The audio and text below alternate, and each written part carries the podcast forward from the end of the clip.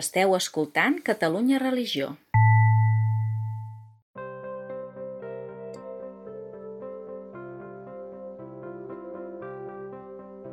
Benvinguts a la segona sessió del Club de Lectura en Fe de Llibres. Com sabeu, és l'espai que dediquem a Catalunya Religió, a la cultura, als llibres, a les recomanacions i també a comentar els llibres que hem escollit.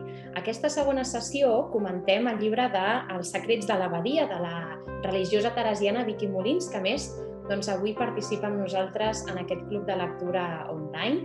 Li donem les gràcies, ara, ara ja ens podrà explicar certes coses del llibre. També dir-vos que és un club de lectura online, estem connectats molts des de casa, des de la feina, som unes cinc persones i durant una estona, doncs això, anirem comentant què ens ha semblat, què ens ha reportat aquest, aquesta lectura d'aquesta novel·la de, de ficció i, i podrem anar doncs, fent xerrada. El primer de tot, uh, Vicky, moltes gràcies per, per acceptar amb, amb molta rapidesa, amb molta diligència i sense dubtar la participació en aquest club de lectura. T'ho agraeixo personalment, jo crec que també els oients uh, t'ho agraeixen i, i començaré preguntant també a la resta del club de lectura si us ha agradat aquesta novel·la, si us l'esperàveu així i què us ha semblat. A veure, qui s'arrenca?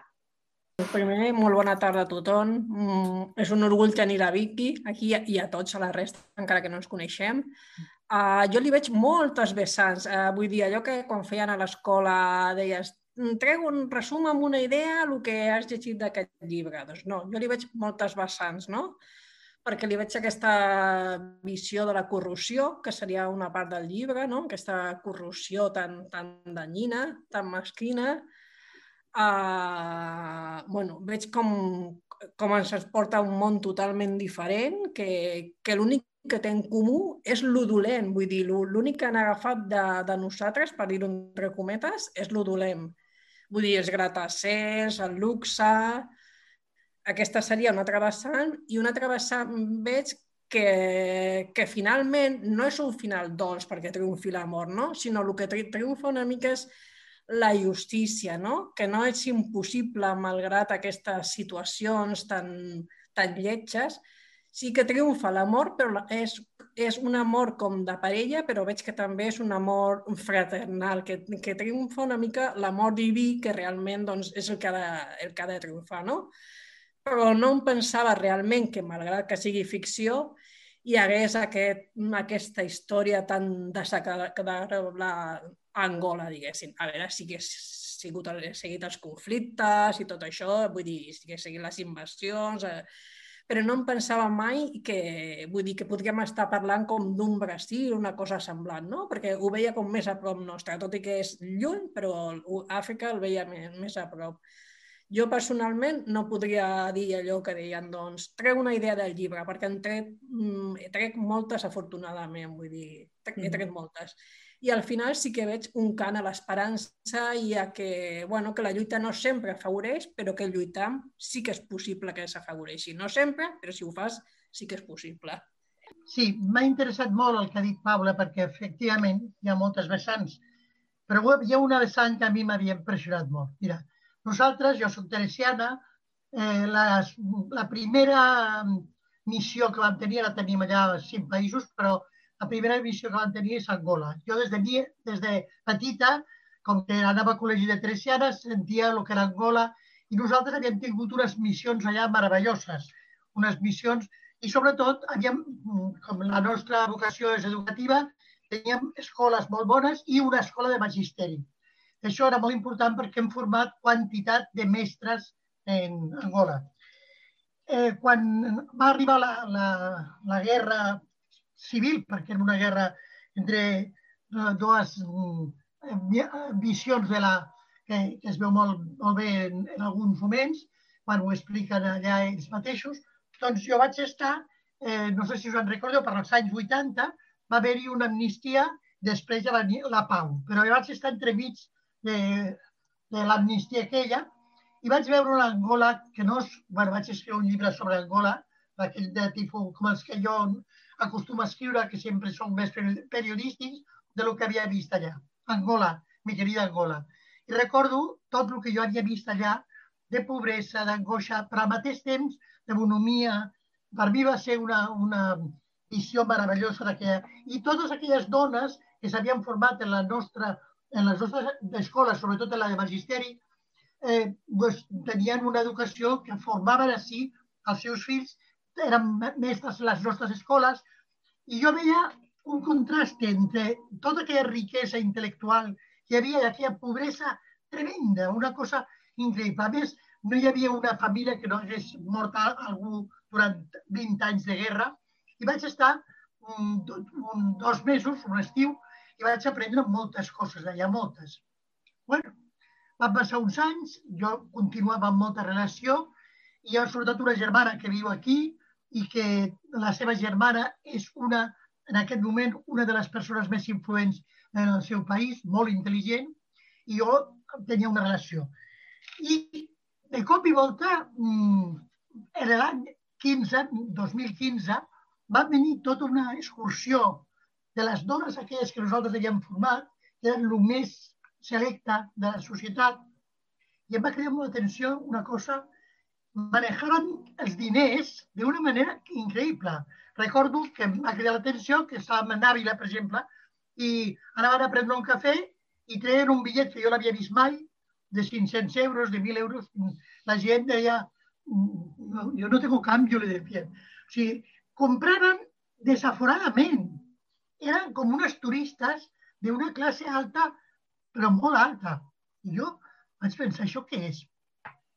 Aquesta senyora que dic que és germana, que era bueno, una persona meravellosa, té unes empreses, ella és empresària, se li va morir el marit i ell porta tot, però al mateix temps ella té una idea molt clara de que en Angola no, vull, no, no vol que passi com en altres llocs, que tot, tothom emigra, sinó que allà treballen molt perquè la gent es quedi allà estudiant. I ha pagat cada any paga dos o tres beques i ha, ha format com 50 nois joves que va cada any com agafant ella, eh, els, els, mm, paga la, el carrer, etc. I ella és la que em va explicar tot el que estava passant. I mira, ara, en aquest moment, la diferència social que hi ha és increïble, sobretot en la capital. I en la capital, en Luanda, mm, eh, hi ha una quantitat de, de màfia d'aquest estil, tota la part de l'abadia s'han fet uns eh, edificis meravellosos i contrasta amb tota la pobresa. O sigui, això sí que ho vull dir perquè jo em vaig assabentar molt bé de tot. Eh? Tot el que està allà és veritat. Els noms no i les persones tampoc, però tot és veritat. Això és la primera idea gran que a mi denunciar, que és el meu, ja sabeu en tot lloc el que faig és denunciar. Aquesta és la primera idea que m'agrada molt que has agafat, és la denúncia. Però després, al mateix temps, eh, jo volia... Mm, mira, escriure una novel·la és, és posar-te en cada personatge. I això és molt interessant. Jo vaig crear una persona que tingués les mateixes idees que jo, però clar, era molt més maco que una jove, atractiva i, i en un altre moment de, de la vida, no? Aleshores, el, el fet que, que hagués una parella i que hagués uh, una història d'amor, pues sempre ens agrada en les, en les novel·les, no? Perquè és una realitat normal. I aleshores vaig agafar aquells dos, un sentit de la vida, que denuncia ella mateixa jo, i després, fins i tot l'editorial, em va dir, posa alguna cosa així, un, una mica de tràiler eh, perquè sigui més interessant. I aleshores vaig combinar tot això. O sigui, m'agrada molt, Paula, que hagis dit des vessant diferent, perquè per mi era vessant diferent. Aleshores vaig contrastar dos realitats. Jo la de Barcelona és la que em conec més i la d'una classe mitjana alta, que és a, a la que jo pertanyia, i per tant, però també d'una família bona que m'havien ensenyat molt que havia d'ajudar els altres des de molt petita. Ho vaig fer en el meu barri, que és l'Eixample, i vaig, clar, en una novel·la sempre tu poses el teu, el que és, eh, retrates d'alguna manera. Aleshores vaig crear aquella família per veure el que és una família nombrosa, nombrosa d'avui dia, que quatre és molt nombrosa, també era de nou, però això no ho podia posar ara perquè haguessin semblat era o d'una... d'un... bueno, no ho dic. Pues, aleshores, eh, jo vaig posar una família nombrosa d'avui dia. I això són les dos vessants que vaig ajuntar i en les quals va, vaig disfrutar moltíssim, perquè jo em sentia molt unida a la Míriam i al mateix temps recordava el que havia viscut allà. I nosaltres allà tenim un, un hospital molt, molt maco, que jo havia estat allà, però que era un hospital molt pobre, molt maco en molts sentits. Però sabia que havien fet aquell hospital que és de lo millor que hi ha, eh? no només en Àfrica, sinó també en Europa. És un hospital increïble. O sigui, aquesta és la versió que podeu entendre per què he fet aquestes dues vessants diferents. Eh... Dolors, què t'ha semblat a tu la novel·la? No sé si havies llegit alguna cosa de la Vicky. No, no havia llegit res de la Vicky. M'ha agradat moltíssim també la visió que té el nen petit al final, la seva, la seva composició de món, o sigui, des d'aquesta mm. mirada més, més neta, més, més lliure de perjudicis. I també el fet de que contraposa una Àfrica, diguem, de més bon cor que una Europa rica, que són ja fins a cert punt els malfactors, diguem així, les persones que s'aprofiten dels recursos d'Àfrica el portuguès, el català, és a dir, tothom va allà una mica a emportar-se'n el que pot després de la descolonització. O sigui, continua una colonització a l'ombra, diguem així, mm -hmm. actualment. I em feia molta il·lusió de llegir-la i ja l'hem llegit. Uh, què em penso? Depèn, depèn. Ara posaré aquí una nota crítica, però sempre amb molt, molt, molt carinyo. És veritat que, que de la Vicky he, he llegit altres coses, és veritat que, que la, la tinc situada en, en, un, en uns determinats contextos, no? I jo, per altra banda, doncs, també llegeixo molt i molta novel·la i que és veritat que, que per, per, per un moment eh, dic, a veure què farà la Vicky si la posem a fer una novel·la, no? Jo tenia també molta curiositat per dir, què, què, haurà, què se li haurà acudit, no? I, home, em sembla una novel·leta senzilla, eh? en un concepte senzill, però la veritat és que que sigui senzilla no, no és un menys. Eh? També és veritat que l'autora la, també és una persona, almenys pel que jo conec, senzilla i que mm. vol dir les coses clares. No? I és una novel·la així, senzilla i molt clara. No? Tots els fets que es van succeint són molt clars. I, i jo no he pogut deixar de veure o de... No sé si ho endevino, una relació molt més estreta de, de la Vicky amb, amb la Míriam, la protagonista de la novel·la, que no pas amb la resta de personatges. Fins al, fins al punt que tinc algunes preguntes sobre això, que quan em deixis, Lore, ja les faré. Però bé, m'ha agradat molt. M'alegro. Uh, sí que és cert uh, que jo diria, no, al contrari, eh? o sigui, que sigui una novel·la senzilla, almenys jo entenc, és un concepte com d'una novel·la per tots els públics i això és molt difícil d'aconseguir perquè, diríem, quan encasellem no? una novel·la en una novel·la negra o una novel·la històrica una novel·la d'un gènere, uh, saps el públic que t'estàs dirigint i s'espera una estructura concreta. En el cas d'aquesta novel·la, és una novel·la amable, diríem, de lectura i per tots els públics, és a dir, que parles de temes molt complexos, molt negres i sòrdids i actuals, malauradament, però amb unes paraules que fan eh, el discurs i el relat tan fàcil que arriba un moment que dius aquesta gent la conec, no? Eh, això, això és complicadíssim, perquè dic, és que jo m'imaginava aquesta Míriam, no? Tenim la mateixa edat que el personatge, jo, i, i deia, inclús m'aventuraria a dir que en el personatge del Quim doncs veia certes eh, referències a gent que potser tots com a referents tenim, no? I penso, és maco això i difícil de fer. A veure, Vicky, per, al·lusions diríem, eh? Què, què en penses? No, jo el que no volia és mm, de cap manera tenir en una novel·la un estil diferent del que jo tinc. El meu estil és així, és molt senzill, perquè jo sempre m'he dirigit a la gent Mira, els meus llibres, sobretot els que tinc de, de la pobresa, que són la majoria, i els que tinc de Santa Teresa, que són una altra majoria també, doncs sempre s'han fet estudiar a les escoles. I després jo anava a parlar, per exemple, el, el meu preferit, que és el primer que vaig fer d'aquest tipus de pobresa, que és 20 canciones desesperades i un poema d'amor, que el vaig fer jugant amb, la, amb el Neruda, i aleshores eh, aquest llibre llegeixen normalment en batxillerat i després jo comento. I aleshores, al fer una novel·la, jo no vaig voler... Els hi vaig dir a, a Planeta, jo vaig dir, jo tinc un estil molt senzill que no el vull deixar, perquè per mi la paraula és importantíssima per dir el que jo vull dir. I, i jo sóc només un instrument. Jo sóc la veu. La paraula la té Déu. Jo sóc, sóc la veu només. I per tant, les meves veus sempre seran així. No, no, no, si volem que ho facis com tu fas. I aleshores per això jo vaig fer un llibre molt senzill que pogués entendre tothom i, i, i reflexar-me en ell, perquè era la manera. I perquè més vaig descobrir la importància que té dir les coses a través de personatges. Sí? A mi m'agrada molt el cinema, per exemple. El cinema, a més, he estat eh, comentat cinema en una revista que portava jo. bueno, doncs, eh, jo continuo, fins i tot m'agrada les sèries. Saps per què m'agrada les sèries? Perquè és com una novel·la. Tu Exacte. vas seguint els personatges, t'encarinyes amb el personatge i li vas seguint. I això és el que m'agrada. Però jo, jo ho entenc, eh? té una senzillesa molt gran que, que, que jo volia jugar amb ella.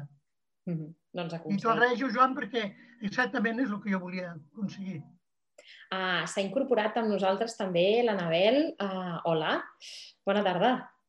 Ui, Anabel, hola. Ui, l'Anabel, Vicky, quant de temps sense veure'ns. Perdoneu, eh? he tingut un problema domèstic. No pateixis. Uh, doncs ara fèiem la ronda de què ens ha semblat una mica el llibre, hem comentat una mica per sobre, bueno, per sobre, hem tocat alguns mm. temes, a veure què t'ha semblat a tu. A mi m'ha semblat una manera molt senzilla de proposar temes una mica difícils. Veus? Ja anem tots en la línia. Sí, sí, això no és fàcil de fer. Eh? I, I algun dilema, uh, algun dilema ètic o varios, vaja. Uh -huh. Tant vale, de... doncs, mm. si us sembla, ara entrem en matèria, perquè el Joan també deia, no? Tinc algunes preguntes sobre el personatge de la Míriam. No sé si vols deixar-ho pel final, Joan, ja m'ho indicaràs amb les mans, uh, o si parlem d'això, de, dels temes que tracta. És a dir, parla molts temes, la, la Vicky en la novel·la, no? Des de la clàssica missió no? d'una jove doncs, que deixa la seva comoditat aparent i, i va fer una tasca missionera, podríem dir, tot i que doncs, sense aquest uh, rerefons de consagració religiosa, però sí que explicites en la novel·la que la Míriam diu doncs, jo sóc creient, no? hi ha moments que ho explicita amb molta naturalitat, que això també és d'agrair, i, i també toca temes, evident, sòrdids, no? de, de trobar-se amb una realitat que potser intuïes però no sabies i el dilema de dir fins on estem disposats a arriscar si, si la vida pròpia doncs, depèn no? d'això. Què en penseu, els altres? Home, jo, jo aprofito i en això eh, lligo, intento, faig, faig una pregunta directa. Jo crec que, eh, que hi ha masses coses en comú amb la Vicky i la Míriam. És molt sospitós, això. o sigui que això és un interrogatori per la Vicky, perfecte. Eh, sí, sí, no sé... Com ho diu, eh? Així la... Les com... entrevistes que he tingut sempre ho han dit, a la ràdio... A la... Clar, per exemple, una, una noia no, que es decideix per una carrera molt vocacional, com és la medicina, no? I jo em tronco aquí i veig, bueno, em sembla que la Vicky també ha optat per no? una crida vocacional molt, molt concreta, no? que a més a més també consisteix en, en aquesta entrega als altres. No? Aquí jo veig una clara relació. I després que eh, també hi ha, evidentment, la procedència social barcelonina, no? que coincideixen també bastant els dos personatges, i que al final eh, hi ha una opció final de vida d'anar a viure amb els, els pobres, no? de, de Cubal, en aquest concret, en el, al final de tot. No? Eh, qui és el teu Quim? I el teu Xavier? Carai! és el, es, es deia Narcís. I després, les coses, quan el vaig deixar per, per anar-me a monja als 20 anys, després ell es va fer sacerdot després d'uns anys, i no era creient, eh? però després no sé què va passar. Ja havia mort. Ell ha estat sempre de missioner a, a, a Amèrica. Sí, també em vaig fixar en això perquè ell no era creient i va ser molt curiós la, la manera de relacionar-nos.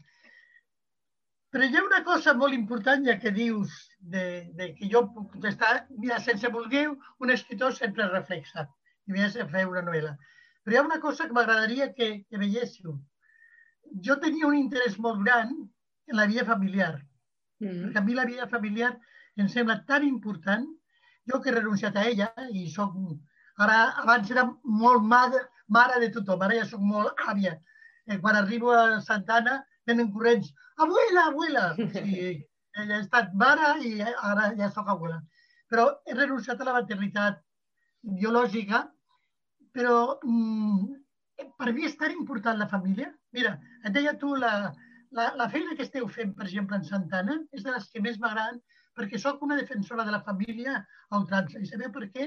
Perquè jo vaig tenir una vida familiar meravellosa. Aleshores, molts detalls de la vida familiar, sobretot posar un nen perquè mm. una de les coses que més em va costar anar-me'n als 20 anys és deixar la meva germana petita, la última, que tenia les seus 8 anys. Doncs eh, la relació que hi ha en una, en una llar, eh, les relacions que hi ha amb el pare, la mare, els nens i els, ja els adolescents, per mi era importantíssima, perquè jo havia vist coses a casa que són un exemple meravellós, no? I volia fer-ho. O sigui, per mi, no sé si us heu fixat, per la vida familiar li he donat una importància molt gran.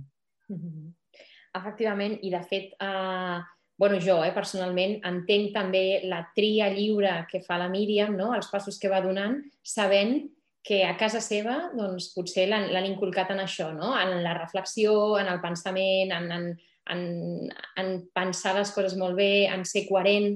Doncs jo crec que això, evidentment, es nota eh, en la novel·la i també doncs, la responsabilitat aquesta de rol de germana gran, en el cas amb el germà quan arriba i, i doncs, està embolicat amb el tema de les drogues, és ella no?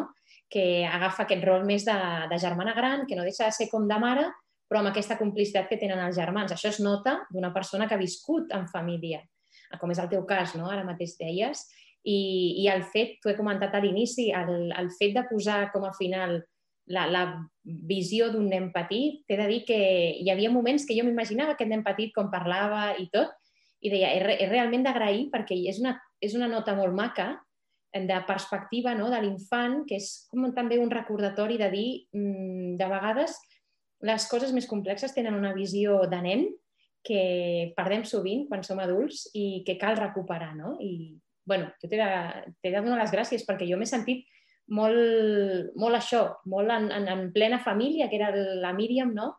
I es notava això, aquesta coherència d'haver viscut una cosa que et, et permet fer una altra. I una cosa també important és que les famílies, per molt bones que siguin, no sempre estan d'acord, el pare la mare i tal. Eh, jo recordo que la meva mare, que era boníssima, molt, eh, bueno, protestava molt quan, quan nosaltres érem nou germans, però tres ens vam ficar tercianes, tres. Clar, quan jo vaig ser la tercera, però jo era la del mig, ja tenia quatre amunt i quatre baix. Doncs quan jo vaig arribar protestava moltíssim i li parlava a Déu directament i ell li que, bueno, te'n vas a portar totes les meves filles, vés a casa de, a una altra casa, no? I el meu pare sempre li deia, si nosaltres tenim la culpa, els hem format així. Jo sempre he format els meus fills per Déu i Déu me'ls porta, me'ls endú. Mm. O sigui, però clar, la meva mare tan, tan religiosa com el meu pare no era. El meu pare és que havia estat, abans de, de, de casar-se, havia estat jesuïta i tenia una formació molt de la major glòria de Dios, no? I aleshores això passa a les cases i això és un complement molt bo, que no pensin igual. Eh? Tot això per mi era molt important i només gent com vosaltres, senadora, altres persones de, de tot això no, no s'han fixat. Bueno, potser després de sentir el Club de Lectura algú s'ho torna a rellegir i diu és veritat, és veritat això mai se sap. Parlaves de dilema ètic, Anabel. Jo, jo primer, com que conec la Vicky fa molts anys i l'he sentit explicar la seva història moltes vegades, anava llegint i pensava, perquè ella al pròleg posa i reconeixereu alguns personatges, alguns amb nom directe, altres amb no tant, no sé què pensava, a veure, a veure, a veure, i quan anava avançant la novel·la pensava, bueno, alguns no sé si els he reconegut o no, però part de la seva vida sí, claríssimament, de lo que me'n recordava que et havia sentit explicar amb tu en, en, a vegades que ens hem trobat o amb xerrades. Home, el problema, jo, el dilema ètic era un, tot el que ens planteja el tema dels països de vies de desenvolupament, no? El, per mi, no sé si curiosament o no, que vas, vas dient repetidament que és un hospital molt ben format al, al mig de la ciutat de Luanda, quan la resta és tot molt pobre, no? I és com una mica... Un contrast. Que només hi van també una part de la població, no, no hi pot anar tota la població que necessita. Després, quan hi ha tot el tema de la màfia, bueno, jo dic màfia per acabar abans, eh, però que mm. ella, si vol, si va, va descobrint el seu xicot acaba ficant-s'hi, bueno, és xicot que acaba sent, i ella acaba optant per dir mm, posem terra de per mig perquè això no, no, no tenim... La humilitat de dir no, no podem solucionar, però per una altra banda quedar, quedar-se amb la cosa de ostres, no podem solucionar, no ho denunciem tampoc, això continua. I això és un dilema que probablement jo hagués fet igual que ella, eh? ja ho reconec, però eh, és, no deixa de ser un dilema, de dir, com que no puc solucionar i no, no tinc més recursos i jo el que vull és dedicar-me a la medicina, pues això tierra de por medio. I clar, bueno, coses que a mi m'han interrogat, no? I clar, és un final obert, o sigui, Sí, sí, sí. sí. todo puede pasar. Exactament, la vida és així. I a més, una cosa molt clara que jo tinc i que tu t'hauràs viscut també moltíssim, és que estem dedicats a, a un món de marginació, eh? no de pobresa, sinó de marginació, Mm. sabem que normalment, entre cometes, fracassem. O sigui, no som redentors, perquè en aquest sentit ni Jesús va poder ser redentor de tots allà, en aquest gent que va tenir al seu voltant. I aleshores jo volia deixar també obert. No, no, no, no som redentors. Volem arreglar les coses i no podem. I aquesta impotència, que és una de les riqueses més grans del que treballa amb els marginats, aquesta també la volia reflectir perquè, perquè és així la vida. I tu ho saps molt bé perquè has treballat molt en aquest camp i saps que, que, que Sí. és oberta, no? Que- Queda, queda totalment així. I ara estic de voluntària a Migra Studium, amb un projecte d'acollida, que aquí Sant Cugat, al, al Casal Arrupe, i faig tot el dia acompanyo a joves immigrants que van arribant i que em van dient acull aquest, acull l'altre, i, i les escoltes i els escoltes, i n'he tingut un vivint a casa com a projecte d'hospitalitat d'hospitalaris i això, i és increïble. La persona que jo tenia a casa va acabar descobrint, es va, va haver un moment en què es va col·lapsar perquè va descobrir el que era una família. I no som una família modèlica estrictament... I, I un moment que jo li vaig dir, però què et passa? Si, si estàvem sals la mar de bé, este, no sé, clar, sense papers tots, evidentment, eh? però amb molta, una persona molt lluitadora, amb, que està fent un cicle formatiu, que no sé què, que... i de sobte es va col·lapsar i no sabíem per què, i no, vam pensar, estem fent alguna malament acollint-lo. I la sorpresa va ser quan va poder expressar-ho, dir, és que estic descobrint tot el que no he tingut jo com a família És fort això, eh? és molt fort i, i està allà clavat en aquests moments, o sigui, perquè no, no pot avançar de rumiar tot el que a ell li ha faltat, a part del dol migratori i totes les històries, evidentment, de, dels migrants actualment i com a joves migrants, no? Mhm. I, però penso que el nostre paper tampoc no és redemptor, Vicky, o sigui, és acompanyar, estar, escoltar i estar atent, no? Estar atent a les possibles necessitats o, o, o coses a descobrir que, que puguin expressar-se també, eh, no sé. A mi m'està que- qüestionant molt. Mira que porto anys amb, amb diferents, amb, amb nens, amb joves, amb, amb famílies, amb... i ara també aquest altre tema del migrant que els coneixia però no el tan ficat a dintre, eh, m'està qüestionant molt. Perquè... Sí, mira, Anabel, has dit una cosa que és molt interessant. Aquest noi descobreix el que ha patit.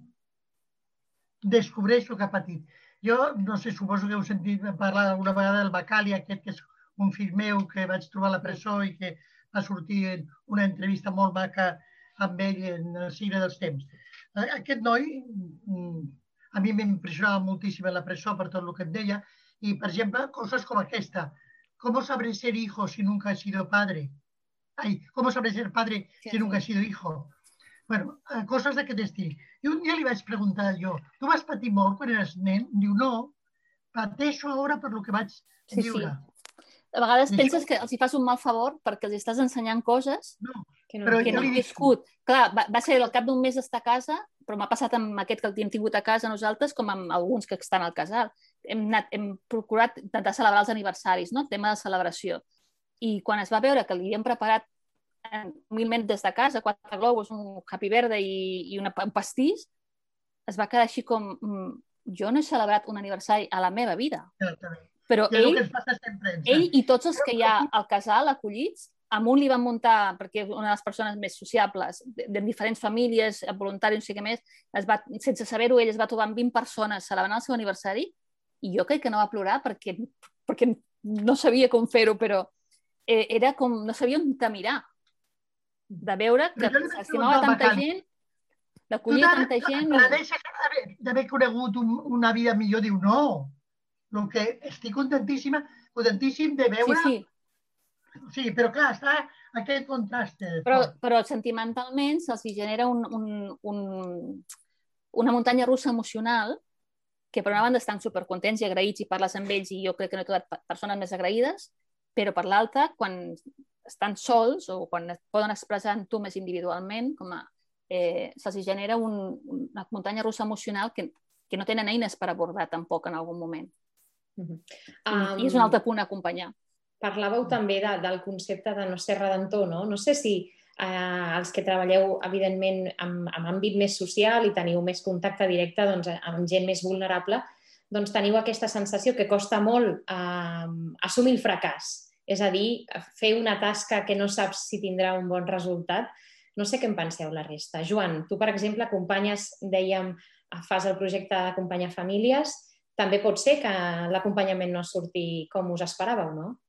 Sí, clar, això de la impotència quan un està donant-se, un, un va donant la seva vida compartint no?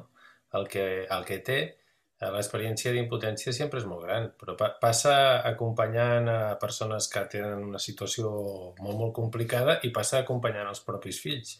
I aquí tornem a entroncar amb la qüestió de la família que tan present és a la novel·la de la Vicky perquè eh, també és interessant que això surt a la novel·la, que, que al final, en, com es deia, Albert és el germà, el germà. Que, mm -hmm. que entra en les drogues i aparentment té de tot, no? A la vida, la, la vida la té solucionada, així en el concepte de benestar i això, però ell pren les seves opcions, no? I que, quanta impotència la d'uns pares que el seu fill de cop i volta, que li han donat tot, pren, pren les seves decisions dolentes a la vida i s'acaba ficant en problemes. I la història de l'Albert acaba bé, però podria no acabar bé.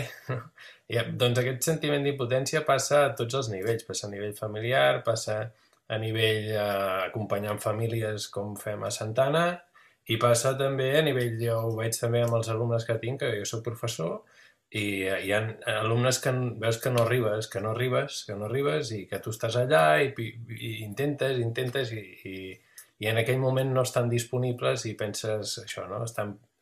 Què, què pots fer? I, i, I et sents molt impotent. La sensació d'impotència crec que es viu a tots els nivells, sempre, quan estàs fent aquesta entrega de tu mateix cap als altres. Però et posa al seu lloc, també, eh? sí. per, per, ens, posa, ens posa al nostre lloc també, de no creure'ns el que no som, que no som déus i no som...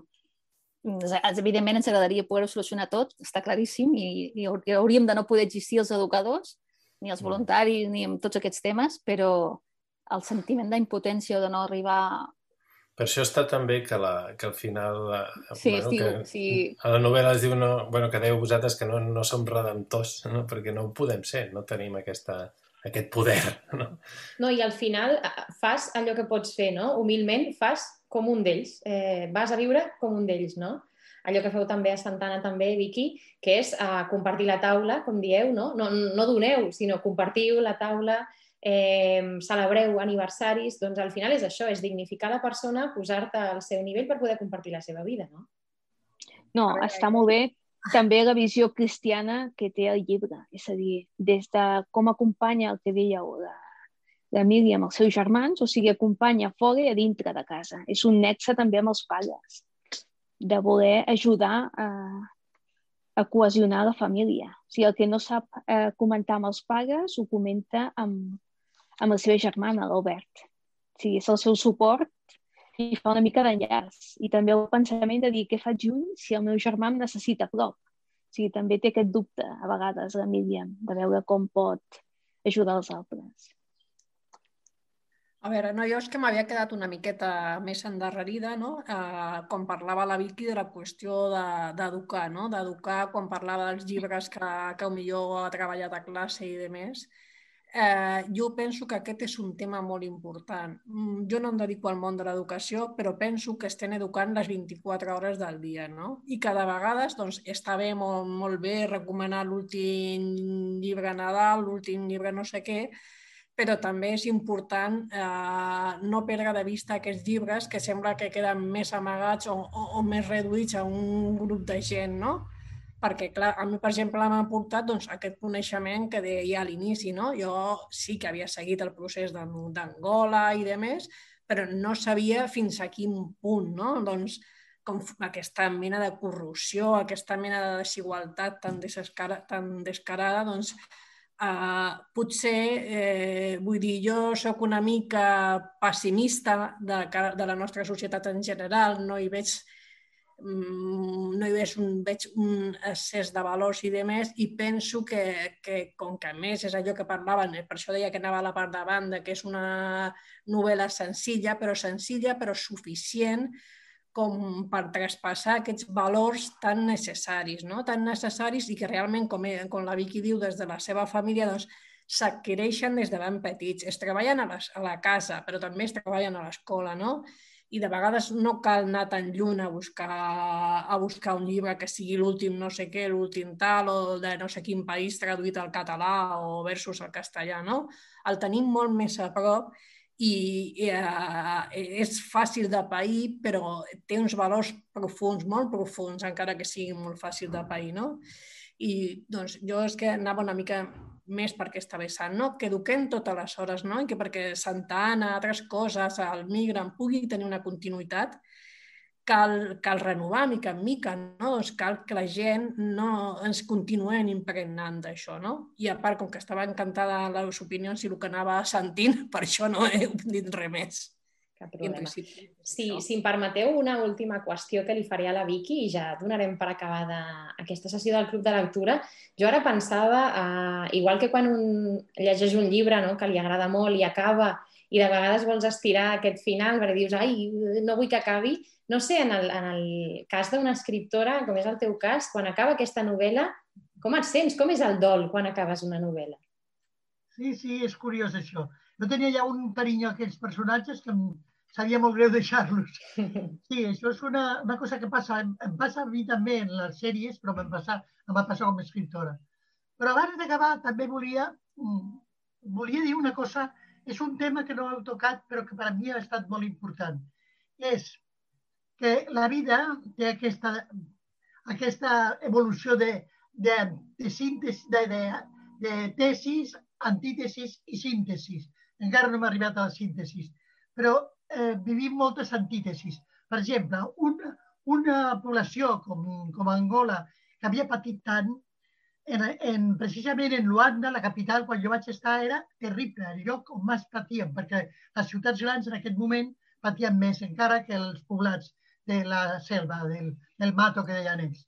Doncs precisament gent d'allà, quan ells han estat patint i protestant de que els damunt els estaven oprimint, després han estat ells convertits en opressors quan han tingut diners.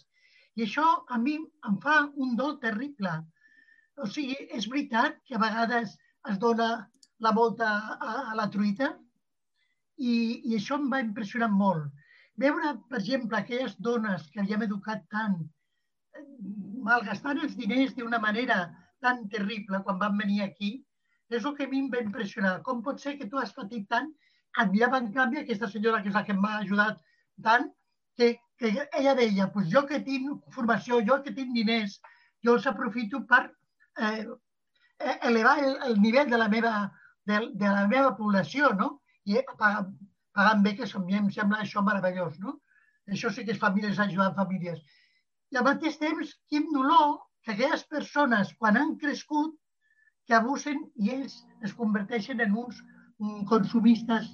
I això és una de les coses que més em va impressionar a mi. Mm -hmm.